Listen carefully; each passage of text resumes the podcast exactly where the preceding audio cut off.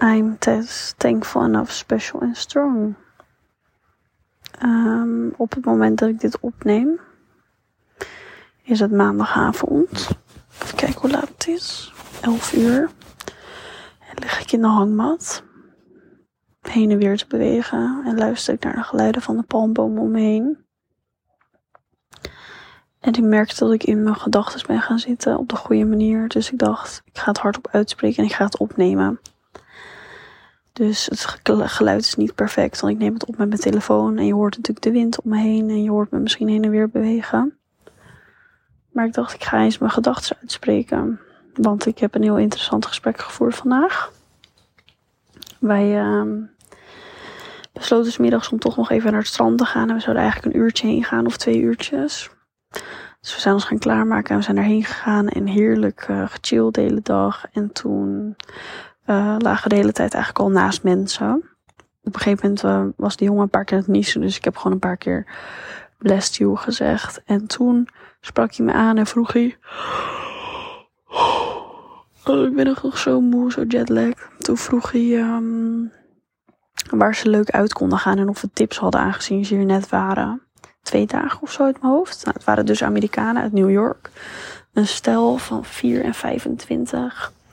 En superleuk, we raakten eigenlijk aan de praat. En we gingen het erover hebben wat zij hadden gedaan en wat wij al... Geluidjes. wat wij al hadden gedaan en wat we nog graag wilden doen. En uiteindelijk werd het zo'n diepgaand gesprek dat we echt zo bij elkaar gingen zitten op die bedjes. En van hele oppervlakkige dingen, zoals het over kroketten hebben. En hij ging uiteindelijk bitterballen en kaasvlees bestellen. Uh, tot mega diepgaande gesprekken. Is het heel interessant om je zo open te stellen en om dus een bepaalde ja, uitstraling uit te stralen. Waardoor je gewoon gesprek hebt met mensen. Want ja, zij zijn natuurlijk bijna even oud als dat ik ben, een paar jaar ouder. En ik heb het natuurlijk in de vorige aflevering al over de leeftijd tussen de 20 en 30 gehad. Maar we konden nu echt praten over het leven, hoe dat is in Amerika en hoe dat in Nederland is. En hoe Amerikanen het naar buiten brengen.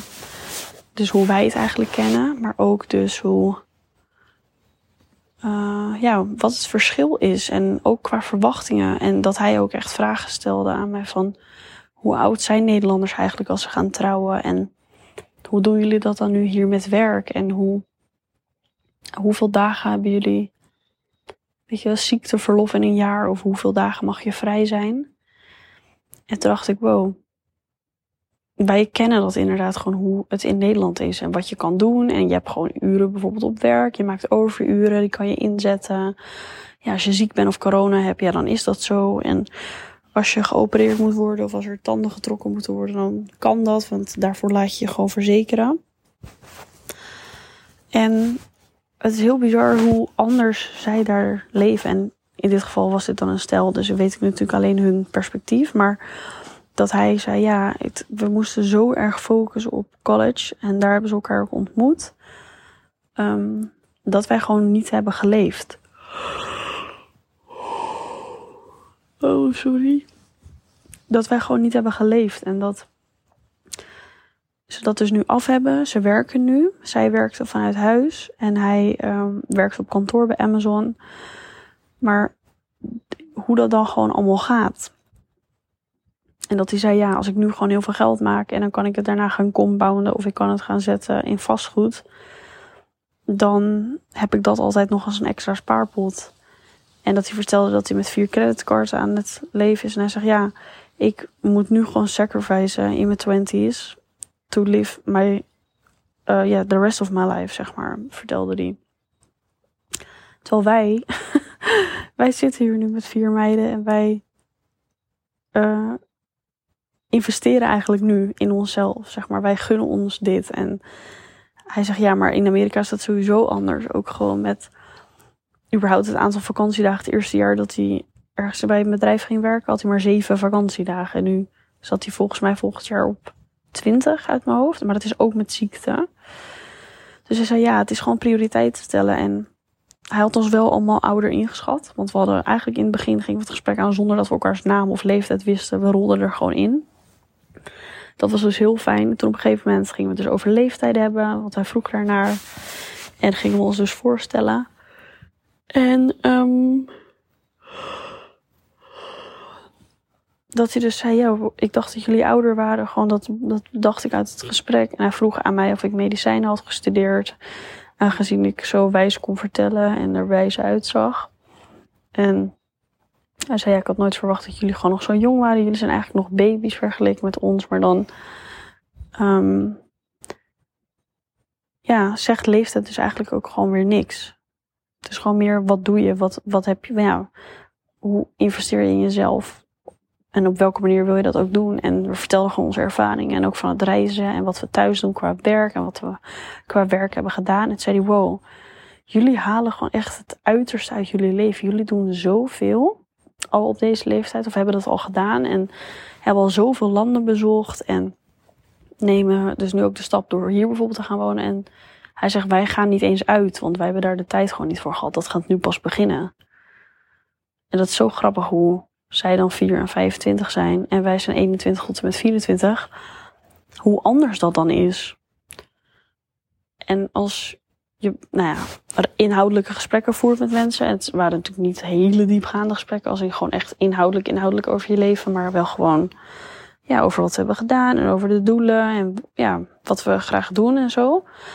Als zo'n iemand die jou dan niet kent en daar heb je dan gewoon twee uur een gesprek mee zegt, ja, Jullie halen echt het uiterste uit jullie leven en jullie benutten jullie tijd gewoon kostbaar en goed. Dan doet dat wel wat met je. Dan denk je, ja. Ik zei ook van, bedankt voor de complimenten, want het is, je weet nooit hoe je overkomt op mensen en wat jouw verhaal doet met mensen of kan inspireren. Maar hij zei, ik raak echt geïnspireerd. En ik zei, ik wil volgend jaar graag Bali bezoeken. Ik ben er heel erg benieuwd naar. En omdat ik ook gewoon graag wil reizen. En zei ja, dan kom ik langs, want wij willen ook heel graag naar Indonesië, maar we doen het niet. En hoe je elkaar dus weer kan inspireren. En hoe we allemaal op een andere manier in ja, deze leeftijdscategorie staan. Dat is eigenlijk heel mooi om te beseffen. En het is ook niet per se goed of fout allemaal. Iedereen doet gewoon zijn ding.